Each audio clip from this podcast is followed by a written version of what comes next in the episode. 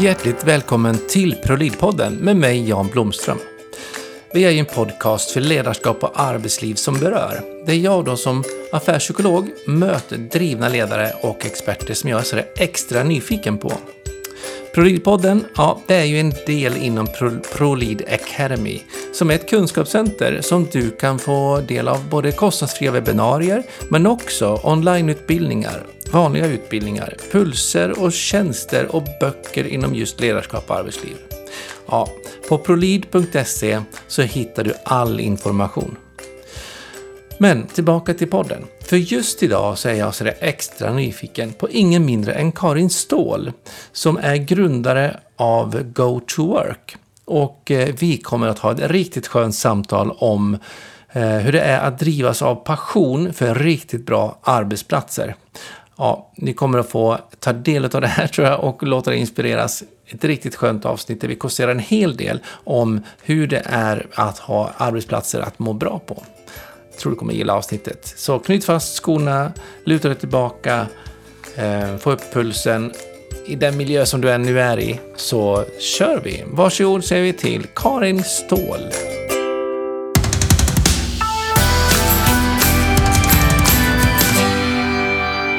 Hjärtligt välkommen till ProLead-podden säger jag till dig Karin Ståhl. Ja, men tack Jan, tack för att jag får komma och eh, gästa dig i ProLead-podden.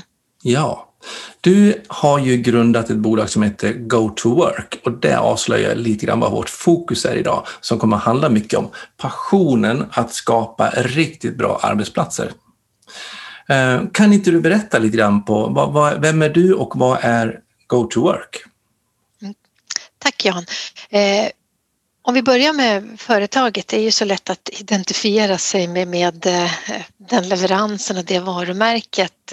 Eh, GoToWork är eh, ett konsultföretag så vår ambition är att designa ett hållbart arbetsliv mm. och det är någonting som vi i den här regin har hållit på med de senaste åtta åren och Eh, arbetsliv är ju då arbetssätt och arbetsplats kan vi säga och, och med arbetsplats, ja kontor om vi får använda det ordet, liksom de administrativa arbetsplatserna. Jag ska säga att vi finns till för de nästan tre miljoner som i vanliga fall i Sverige går till en arbetsplats. Eh, kanske inte har sett ut så nu det senaste året men i vanliga fall och där vi hjälper till med eh, strategier och att exekvera sig till att eh, förändra arbetsplatser och stötta i ändrade arbetssätt. Mm. Och eh, ja, Go to Work eh, åtta år tillbaka. Själv har ju jag lyckats lägga ytterligare några år på nacken än det så jag är, jag är jättestolt. Jag har jobbat över ett kvarts sekel med frågor som rör organisationens utveckling och arbetsplatsens utveckling. Mm. Jag har en branschkollega som en gång sa, ja men Karin du kan inte säga att det var på 1990-talet, det började ju förra millenniet, säg som det är, det förra årtusendet som du började jobba med de här frågorna. Och här gäller det att hålla sig på tå och vara alert och eh, se samtiden och eh, förstå framtiden. Mm. Det är ett unikum det där, när vi liksom, både du och jag är bara runt 20. Ja, precis. Och ändå så, så är det liksom... Ja. Ja, fascinerande. Mm. Lång erfarenhet ifrån området. Det är ett område som jag också såklart brinner för. Jag tycker det är jättespännande och det finns hur mycket spännande som helst att göra. Ja. Yes. Eh, men det gör ju då att eh, du har ett hav med erfarenheter, tankar och samtidsanalyser på hög, misstänker jag, kring ja. att beskriva lite frågan på en bra arbetsplats. Vad är det egentligen? Nej, men en bra arbetsplats är en plats och nu för tiden så är ju arbetsplatsen den eh, digiloga arbetsplatsen. Liksom från och med nu, från och med slutet på 2020 kan vi säga att då skiljer vi inte på den digitala arbetsplatsen och den fysiska arbetsplatsen utan arbetsplatsen som holistiskt begrepp är en möjliggörare, ett verktyg för att du som medarbetare, om vi tänker på individen, ska kunna få det stöd som behövs så att du kan prestera på allra bästa sätt och leverera det du ska leverera. Så det är en katalysator för att känna sig glad och nöjd på jobbet och mm. leverera resultat och göra arbetsgivaren nöjd också. Mm. Alltså det är spännande för ett område som man kan eh, skriva hur mycket böcker som helst om, ha mycket utbildningar som helst om, diskutera hur mycket som helst om. Och ändå så kokar det ner till att må gott, prestera mot ett uppdrag någonstans. Mm. Hur svårt kan det vara?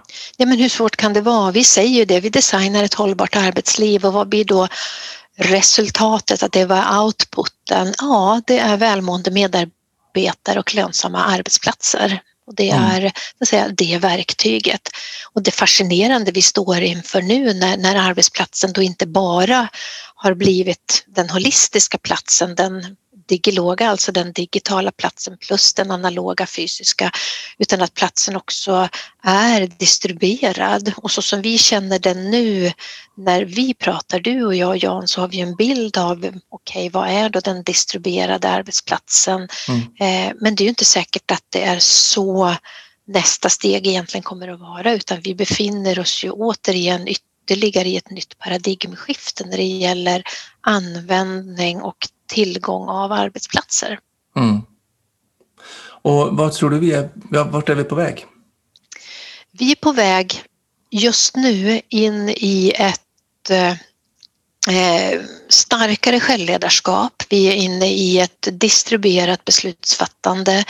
Vi är inne i en era när vi kommer att få se högre krav på och förhoppningsvis bättre utfall av välmående och hälsa på individ och team och organisationsnivå, vilket gör att vi ställer andra krav på arbetsplatsen. Det kommer att bli ett mycket mer humant, mänskligt fokus. Mm. Eh, vi har sett det och vi har förstått att det är på gång men just nu när du och jag pratar så är det ju fortfarande många individer som är hemrekommenderade och kanske inte riktigt mår så bra på sina hemarbetsplatser av olika anledningar. Mm. Så för att möta den här förändrade både samhällssituationen och individuella och organisatoriska mål och förväntningar så, så blir arbetsplatsen mer distribuerad. Vi kommer att se en större mångfald av platser att arbeta ifrån mm. som förhoppningsvis och troligtvis inte enkom är hemmet och det som vi i vanliga fall känner som kontoret eller arbetsplatsen utan även innefatta fler platser. Mm. För när du säger distribuerad, vad, vad, vad tänker, hur definierar du det begreppet?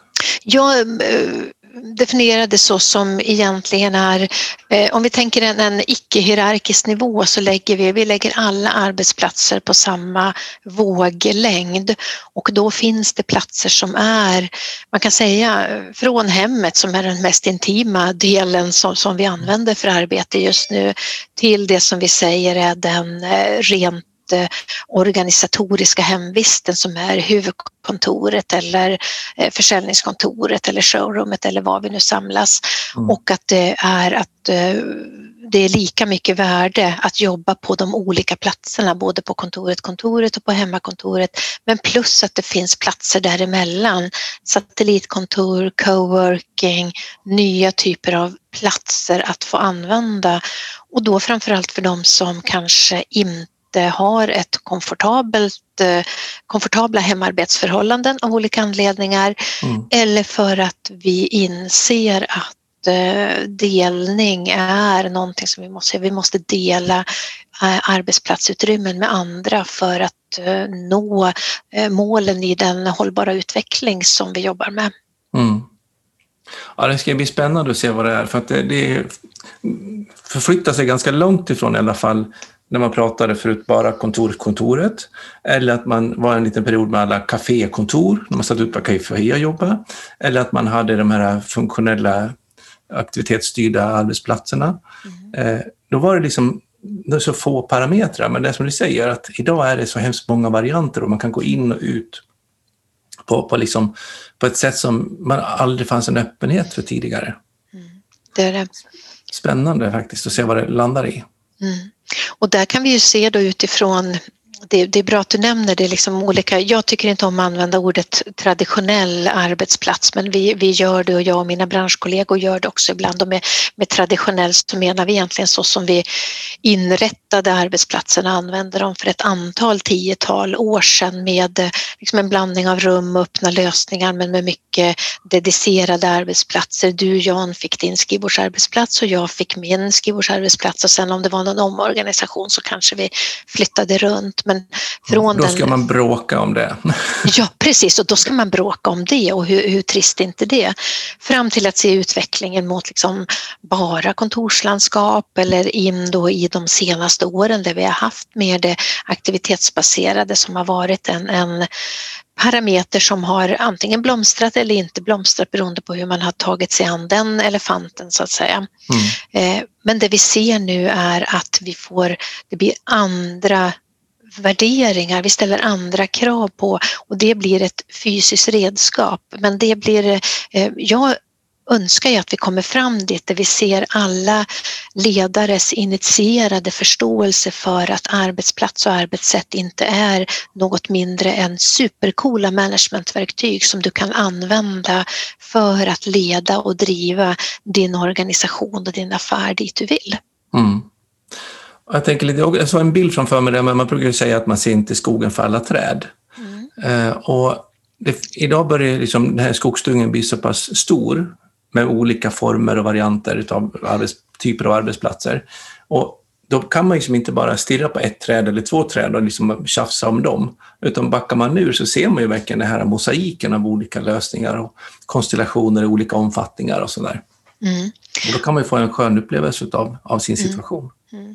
Det var en trevlig liknelse. Jan. Då, då kan jag spinna vidare på det och då ser ju jag, för när jag backar ut och så ser jag skogen framför mig så är ju både en blandning av det är, det är liksom eh, barrskog och det är lövskog. Och så kan jag se oss individer för, för någonstans, eh, vi säger ju det från oss på Go to Work att när vi jobbar så sätter vi ju arbetssättet, det är ju både vår eh, metodik och sen också om vi tänker på arbetssättens perspektiv så sätter vi människan i centrum, sen måste vi skapa Eh, den digitala liksom, tekniken och det digitala som stöd.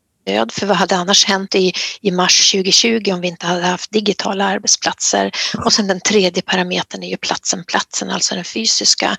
Och då ser jag framför mig skogen med oss, eh, för jag brukar ibland säga att vi måste eh, hovra över situationen för att få en förståelse, orka hissa upp oss i helikopterperspektivet. Så om vi finns där uppe så är det ju faktiskt träkronorna och de här lövsalarna som är de digitala klustren och sen har vi liksom stammarna som är olika. De är de vita och svarta björkstammarna och de kodiga granstammarna och så vidare så som är de, de fysiska platserna. Alltså med lite mer hårdare infrastrukturen liksom som står som inte så lätt att flytta på. Nej men precis och därför ska vi ju så att säga ha tillräcklig mängd trädstammar. Vi ska ju ha tillräckligt många trädstammar vi behöver för att bära upp den digitala infrastrukturen, att det blir jättebra arbets, jag kanske inte ska säga arbetsplatser, mer liksom zoner, för de kan ju vara såväl in real life som in virtual life när vi pratar mm. om platserna vi jobbar på.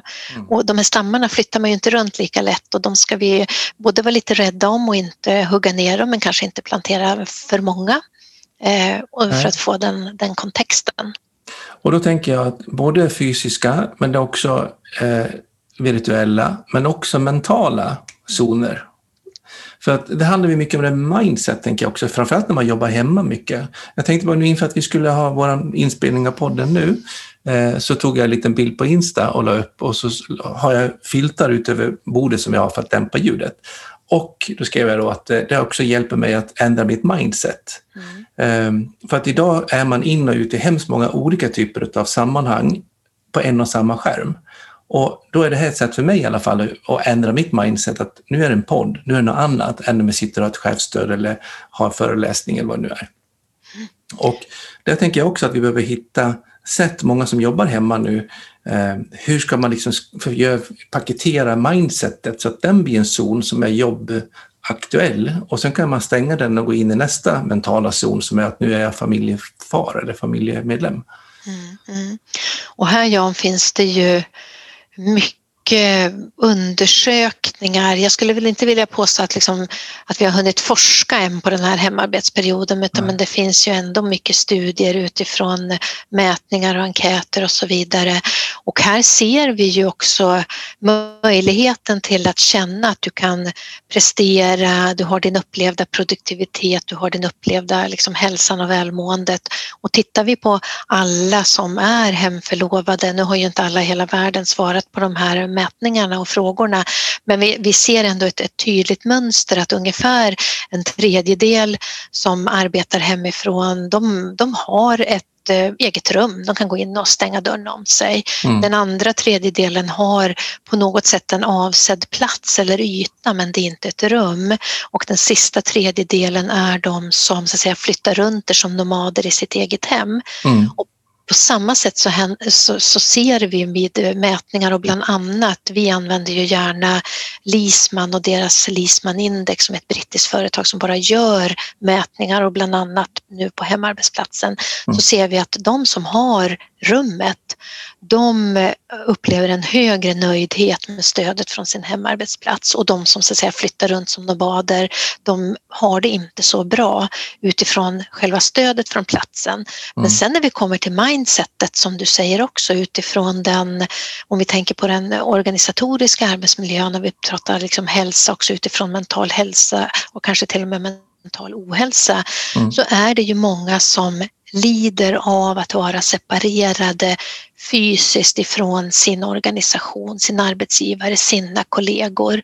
Eh, och det här är ju någonting, trots att vi har levt nu i snart 12 månader i en i det här stora experimentet som kallas remote work och hemarbete så har vi inte lyckats lyckats eh, lyfta den frågan, på, eller rätt sagt, vi har inte lyckats omhänderta den på ett bra sätt. Det är ju mycket utifrån man säger, ledarskapet, medarbetarskap, medledarskap, självledarskap och liksom att koppla ihop det och, och, och skapa en kontext runt det hela där vi månar och värnar om varandra. Och där mm. har vi mycket kvar att göra. Mm.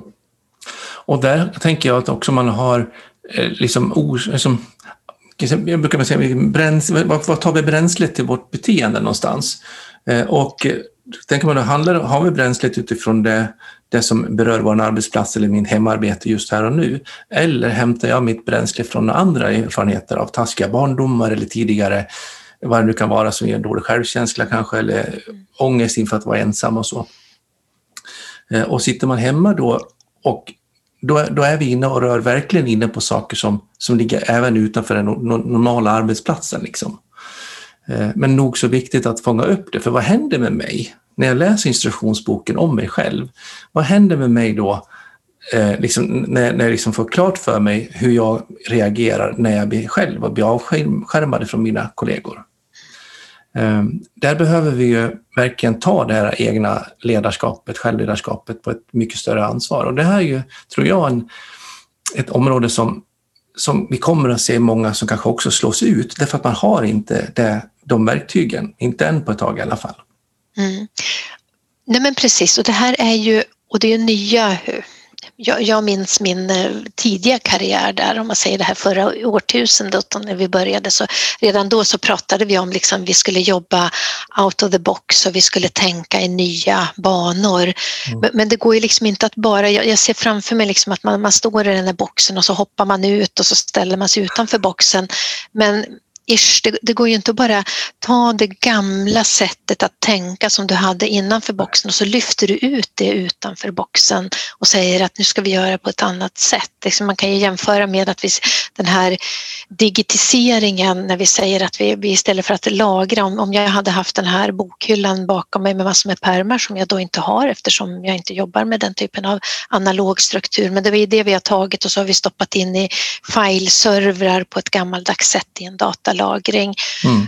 Där vi nu liksom för att få igång en digitalisering behöver vi liksom vända på kuttingen helt och hållet liksom och, och begrava det här gamla eh, innan vi bygger nytt och på samma sätt är det ju utifrån individens eh, förhållande till att eh, vara själv, leda sig själv, styra sig själv i det hela. För det är ju också heller inte så lätt alltid att veta vad ska jag nu egentligen ta itu med. Jag tänker du och jag John som trots vår ringa ålder då liksom har mm, har lite skaplig erfarenhet med oss genom åren. Vi, miracle. Vi har, det är ett miracle verkligen. Vi vet ju att vi, även för oss, vi eh, stretchar ju oss och utmanar oss. Vi, vi kommer ju fortfarande att dö nyfikna, det har ju i alla fall jag konstaterat för det finns ju så mycket oupptäckt. Men så, så varje dag så, så gör vi ju nya landvändningar och inser att det här är nytt även för mig. Men, men där vi känner oss trygga och komfortabla mm.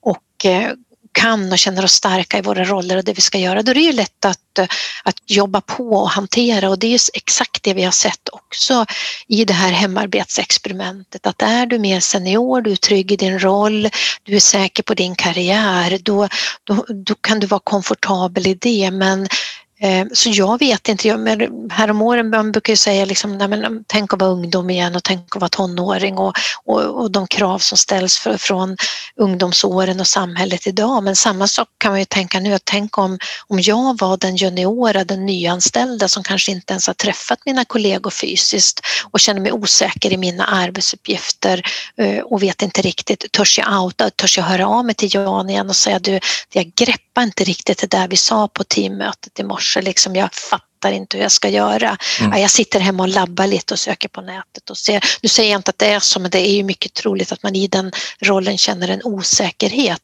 Eh, hur ska jag göra? Vad, vad har jag åstadkommit? Vad, vad ska jag åstadkomma? Mm. Verkligen. Ja, det här med trygghet i, i, grupper och verkligen jobba för att få till en bra situation, den är, har aldrig varit viktigare än vad den är nu. Um, men, om man då tänker sig en, en, bra arbetsplats och sen så finns det ju alltid motkrafter som jobbar emot det. Eh, vad skulle du säga är med och, och motarbetar bra arbetsplatser idag?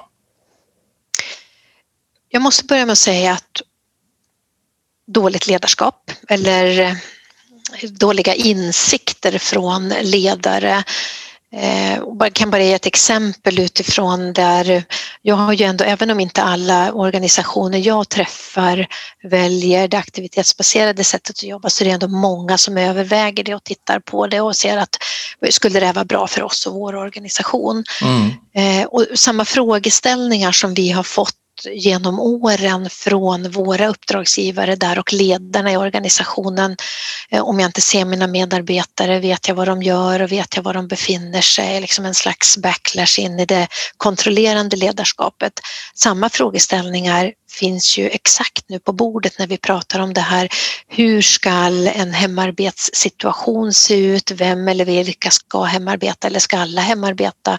Och så vidare. Så, och där är ju tyvärr att det bottnar mycket i å ena sidan att eh, ledarna tycker att det kan vara svårt att hantera situationen men också, eller kanske snarare ännu mer en otydlighet i att kunna kommunicera vad har vi för tydliga visioner och mål med verksamheten och hur, hur ska vi lägga upp det här för att driva det, driva det framåt. Mm. Eh, men samtidigt som vi lägger ansvaret i ledarnas knä då så kan vi också lägga ett ansvar i eh, individerna, liksom hos medarbetarna i det hela eh, som kan ha olika grunder till, till en osäkerhet. Men här gäller det att hitta det samspelet eh, så att vi får till det och att framförallt att inte fastna i ett dåtidstänk och det, det, är inte någonting som jag säger bara för att vi befinner oss här och nu i, i 2021 utan och har det här gångna året som, som vi har med oss.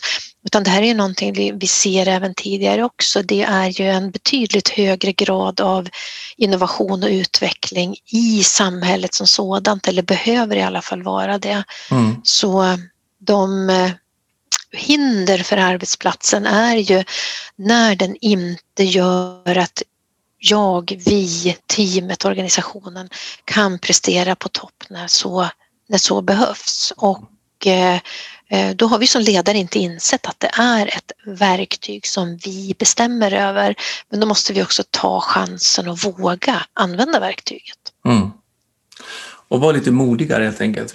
Mm. Jag kan ju känna lite grann, om vi backar tillbaka till liknelsen med, med skogsdungen, om man liksom har för mycket fokus på vad en stam eller på en liksom mm. parameter, så blir det liksom det som blir viktigt. Man, back, man min erfarenhet är att man liksom backar inte ut tillräckligt mycket eller upp till helikopterperspektivet och, och ser vart är det här bromsklossen eller flaskhalsen för att vi faktiskt ska må bra och prestera bra. Och då blir det jätteviktigt att vi ska minsann jobba och fokusera på just den där frågan. När kanske man märker att de håller på att störknar. För att man inte liksom får kraften att göra det som man bedömer relevant. Man är inte överens om vart vi ska, man är inte överens om hur vi ska jobba och hur vi ska bete oss för att vi ska komma fram dit. Och där är ju inte alltid så enkelt att ta med diskussionerna heller och, och, och liksom ta det på ett bra sätt. Jag hade en, en ledare för ett tag sedan som så liksom sa att ja, men jag har lyft den här frågan med dem och, och så sa jag att nej, nu har ni förstått det fel för det var inte alls så där. Och nu säger de inget mer. Varför det? Liksom? Nej, självklart så behövs det inte så mycket för att sparka undan mattan men man behöver kunna ställa frågan och lyssna och ta emot framför allt. Och liksom tåla att se att det finns andra intressenter, det finns andra agendor som, som också måste upp på bordet för att det åtminstone synliggöras. Um, ja. Mm. Och där kan vi ju säga att eh, jag tänker utifrån man säger, ledarens ansvar i det här liksom att skapa förutsättningarna för, det, för den goda arbetsplatsen så är det ju liksom, det, det, det bottnar ju i liksom att vi, vi är människor, vi är individer, vi måste se varandra och det är ju i och för sig inte bara ledarens ansvar utan det är ju allas ansvar. Vi måste se varandra och vi måste vara uppriktiga och tydliga. Jag brukar säga att det är ju ingen demokrati att ha en anställning, att eh, ha ett jobb och, och, arbeta i en organisation eller ett företag eller var vi nu arbetar. Så någonstans också så måste det finnas de som pekar med hela handen. Mod sa du tidigare, våga peka med hela handen, pekar ut riktningen och det är ju någonting som kan bli lite enklare när det är lite tuffare tider och lite krassa situationer som vi kan se nu också, där vi befinner oss, kan vara ansträngd ekonomi hos många och, och vart ska vi? måste ompröva våra, våra erbjudanden. Men det här att det kommer tillbaks igen till, som du också sa Jan, det här med mål och vision och tydligheten. Hur kommunicerar vi runt det? Men också att tänka det här att att det är ju en, behövs ju ofta en grad av förståelse och kunskapsinhämtning för så fungerar ju faktiskt våra hjärnor också. Att är det så att du Jan är min ledare och så kommer mm. du att presentera det här nya för mig och ärligt talat faktiskt, jag fattar inte, jag fattar egentligen inte vad du menar och du har berättat om saker och det det är nya kunskapsområden för mig. Mm. Då behöver ju du onboarda mig. Du måste ju ta med mig in i det här på något sätt så att jag får en möjlighet att, att förstå vart är vi på väg? Har vi ändrat riktning? Det här han har sagt nu. Jag trodde vi hade det här visionen och det här målet men nu verkar det annorlunda eller det kanske inte är det. Det här kanske bara är en, en komponent som ska förändras. Jag förstår inte riktigt. Nej. Och jag, tänker, jag brukar ofta prata med mina ledningsgrupper att eh, Eh, som agendan på ett personalmöte då, som en bild. Eh, så, så, tidigare så har det många gånger varit att man har massa saker att gå igenom och informera om som, som chef och så kan man liksom bocka av och, säga att, och känna sig ganska nöjd att nu har jag informerat alla, så nu vet alla. Eh, och sen om det blir tid över så frågar man vad är några övriga frågor. Eh, och den kommer vi, för mig, i min värld i alla fall, inte nå framåt alls med idag. Mer att jag kan få check på att jag har gått igenom punkterna så att min, jag kan visa mig stark uppåt. Liksom. Men det viktiga för att verkligen fånga upp att du inte har förstått, det är liksom också att verkligen lyssna på vad, vad har ni tagit emot? Eh, och kolla av, har ni koll på vad ni ska någonstans i gruppen tills nästa gång vi ses? Är allting kristallklart? Och är det någonting ni behöver, har ni det ni behöver för att göra ett jobb? Nej, jag behöver en bättre argument till varför vi ska göra det, eller vad, vad, vad har vi slutat med det, eller vad det nu kan vara för någonting. Um, så att det blir verkligen viktigt. Steg ett är ju att lyssna, vet ni vad ni ska? Två, har ni det ni behöver? Behöver ni något mer? Och om det blir tid över, då kan jag ta lite information ifrån personalavdelningen eller ekonomiavdelningen. Mm. Så att man får verkligen ändra, vända på kuttingen som du nämnde tidigare. Mm. Mm. Och där är också utifrån liksom, återigen där, där, vi, där vi sitter idag så att säga så har vi ju tagit lite digitala skutt. Vi har tagit eh, ganska, eller väldigt stora kliv i det här med att inte ses fysiskt och vilket förhoppningsvis bottnar i ett mer med tillit och förtroende alla emellan, inte bara från ledarens sida utan alla emellan i, i samverkan och i samarbete på arbetsplatserna. Eh, men det vi ser också där, så att säga, vi hade hamnat här oavsett men nu har det gått lite raskare än det, än det skulle ha gjort annars även om det är någonting som vi strävar emot även om vi inte liksom har strävat för att nå fram till ett tillstånd inte alla mår riktigt lika bra. Eh, men, men det är ju något vi kan hantera för det är ju, vi är ju människor, det är vi som ska hantera det. Men mm. det du också säger nu, det, det som den tanke jag får är ju att hur jobbar vi tillsammans? Hur arbetar vi tillsammans? Vi sa å ena sidan, sidan så sa jag tidigare att arbetsplatserna är distribuerade. Det betyder att de individerna som jag samverkar med i mina team, det kanske faktiskt har varit så redan innan att till viss del, vissa har träffats eh, in real life och andra har hängt på uppkopplade via olika digitala medier. Mm. Men nu pratar vi om att skapa, samskapa i realtid via ett digitalt arbetssätt och då blir det här superviktigt att kunna visa på mål, intentioner, tydliga vägen och där vi ser eh, som att, att vi behöver hitta de nya digitala samverkansplattformarna. Och där sneglar ju vi och väldigt många organisationer på det som inte har något eh, svenskt ord utan det vi säger work out loud, det här att på ett eh, att synliggöra jobbet mm. och, och, vad är då work out loud? Ja, vi kan säga att det är egentligen som att eh, tänk att samla de närmsta, din närmaste grupp, att ni egentligen sitter i ett och samma rum eller i en, i en del av kontoret. Ni hör allt som händer, ni kan rita på väggarna, ni kan sätta upp saker, ni kan flika in i varandras dialoger, ni kan hjälpa varandra i realtid när någonting dyker upp på tal om att liksom bygga den mm. kollektiva kunskapsbanken. Mm. Och det sättet går att forma även i ett digitalt samarbete men det kräver ju definitivt att vi inte försöker ta de gamla arbetssätten och stoppa in dem i den digitala världen utan att vi verkligen gör helt annorlunda. Mm. Och kanske några av de trästammarna som eller utav, utav alla trästammar så behöver mm. kanske vissa vara helt nya som är just baserat utifrån den digitala själen så att säga. Mm.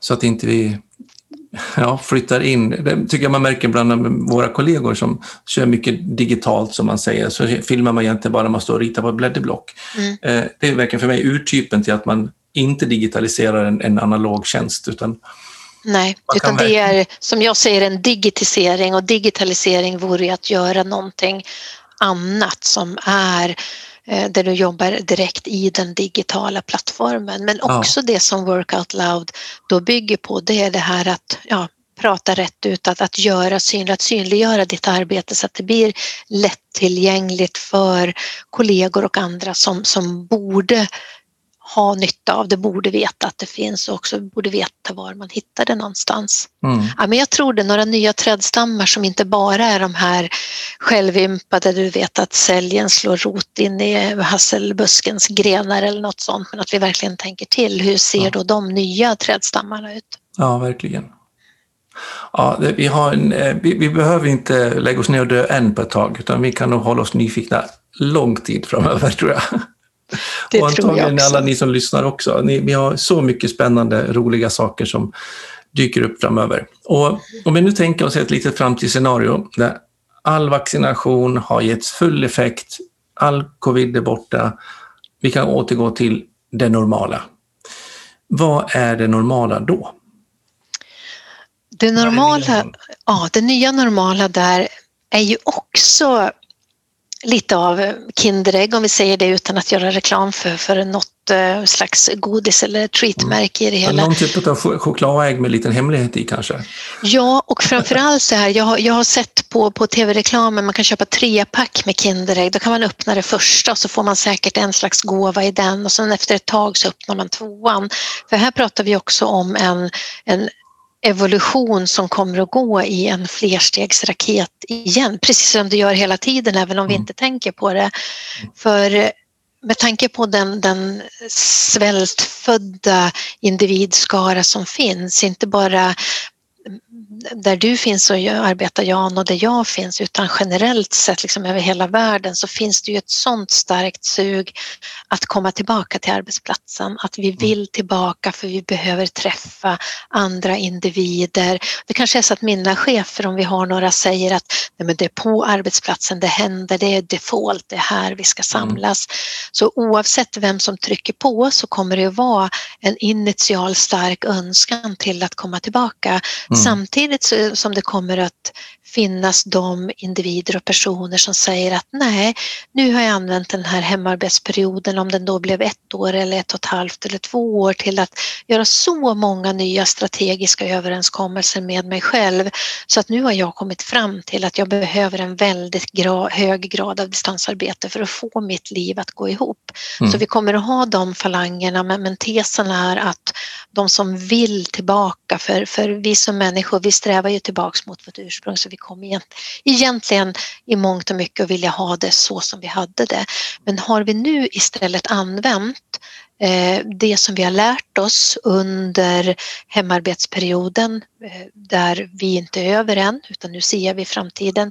Men redan nu så måste vi verkligen börja planera så som att återkomsten börjar nästa vecka så vi får inte vila på hanen utan nu måste vi vara lite alerta och ligga framåtlutade i processen. Mm. Då har vi använt det så vi kommer ihåg vad som var bra, vi kommer ihåg det som är dåligt för annars så kommer vi glömma det som var dåligt och så kommer vi liksom att bara sträva mot, mot något gammalt status quo. Mm. Så den nya, nya framtiden kommer att vara den, de digitala arbetsplatsernas herravälde med individers välmående och egenkontroll i förarsätet. Och tänk dig då in i den situationen Jan, att det är du som individualist, självkontrollerande mm. eh, och där du har den digitala plattformen, för du kan göra allt digitalt. Du har egentligen inget incitament att bege dig på något fysiskt sätt eller träffa någon annan fysiskt, förutom de behov som du har som människa. Mm. Så här behöver vi bestämma oss för vad vill vi med vår organisationskultur? Så hela framtidsarbetsplatsen är en kulturrevolution för organisationer och en revolution för individer, hjärnsmart arbete har vi inte sagt än, liksom för det här att, att vad behöver jag som individ för att ha en eh, eh välmående hjärna i det hela, för det går också att koppla på här. Mm. Men framförallt kulturrevolution, individ och självkontrollrevolution och det är framtidens arbetsplats. Men du kanske hade tänkt att jag skulle säga mer exakt hur det kommer att se ut, eller vad tänkte du? Jag Jan? tänkte att du var, har satt inne med de absoluta facitsvaren. Mm. Men jättespännande att höra din spåning i alla fall kring det. Och för er som lyssnar också, ni märker ju att vi kanske mest har pratat om de här administrativa arbetsplatserna eller arbetsuppgifterna. Vi har inte kanske, ni kanske inte känner igen er om, om ni har bilden framför mig att jobba inom industrin eller ute i skogen eller i vård och omsorg och sådana. Där man inte då kan koppla upp sig digitalt på samma sätt. Men även med de delarna, så det är ett helt annat område egentligen där man faktiskt arbetsuppgifterna kräver att det är där med handen, gör något liksom. Men eh, där skulle jag tycka också bli hemskt spännande att se hur man tänker med typ kompetensutveckling. Man ser det redan idag. När man liksom ska ta sitt traktorkort så går man där på digitala lösningar istället för att åka iväg på, på kurs till, till storstan eller var man nu är någonstans. Ja men precis. Ja, och där har ju vi inom, om jag får säga kontorsadministrationen, har ju så mycket att lära av den fjärde industriella revolutionen och vad vi kan göra med 5G och det som ges. Och, och jag, jag slår vad om att nu vet jag att precis just idag så, så åker en skotare hemma i vår skog med, med en maskinförare och hämtar de här trästammarna som, som ja. de har, har plockat ner. Men eh, på sikt, och det är säkert inte allt för långt borta, så kommer inte det fordonet att behöva vara bemannat av en fysisk person utan den kan ju köras från en annan kontrollstation med joystick och på samma sätt som vi har jättehöga förväntningar på hur hemsjukvården ska kunna förbättras. Och här behöver ju vi om jag då får raljera och säga kontorsadministratörer förstå att vi är ju verkligen också kunskapsarbetare och hur kan vi då dra nytta nytta av den revolutionen för att eh, eh göra det mer rutinartade arbetet men även kreera goda lösningar. Tittar vi inom stadsplanering idag så vet vi ju att AI kan, kan mer effektivt och med ett bättre resultat, eh, i alla fall vad jag har hört, göra viss stadsplanering än att vi, vi sätter de väldigt eh, högutbildade, kompetenta personerna på de jobben. Sen behövs ju de också för att tillföra de andra mänskliga dimensionerna och mm. göra mm andra uppgifter i det hela. Men framtidens arbetskamrater kommer ju inte bara se ut som du och jag Jan, utan de kommer att kunna se lite annorlunda ut. Ja, det tror jag också. Mm. Ja, det är så spännande. Du, jag är så tacksam att du kom och delade med dig av dina tankar och idéer. Om man vill komma i mer kontakt med dig, var får man ta på dig någonstans? Ja, enklast är, jag heter ju Karin Ståhl, Karin med K och Ståhl med HL och eh, finns på, på flera olika medier att hitta upp där. Företaget heter GoToWork. GoTo.work är vår eh, domän där man lätt hittar oss. Ja. Och det betyder ju inte bara att gå till jobbet utan liksom typ också sätta igång och jobba är ju tanken så den är ju liksom ett holistiskt anslag.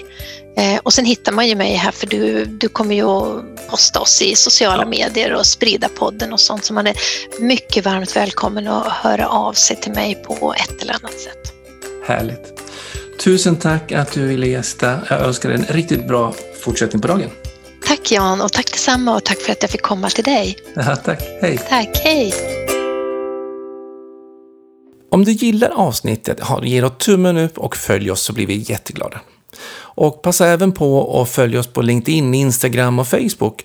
Både när det gäller ProLead och mig själv Jan Blomström, ja, så lär vi ju faktiskt känna varandra ännu lite bättre. Ta hand om dig så hörs vi vid vårt nästa avsnitt.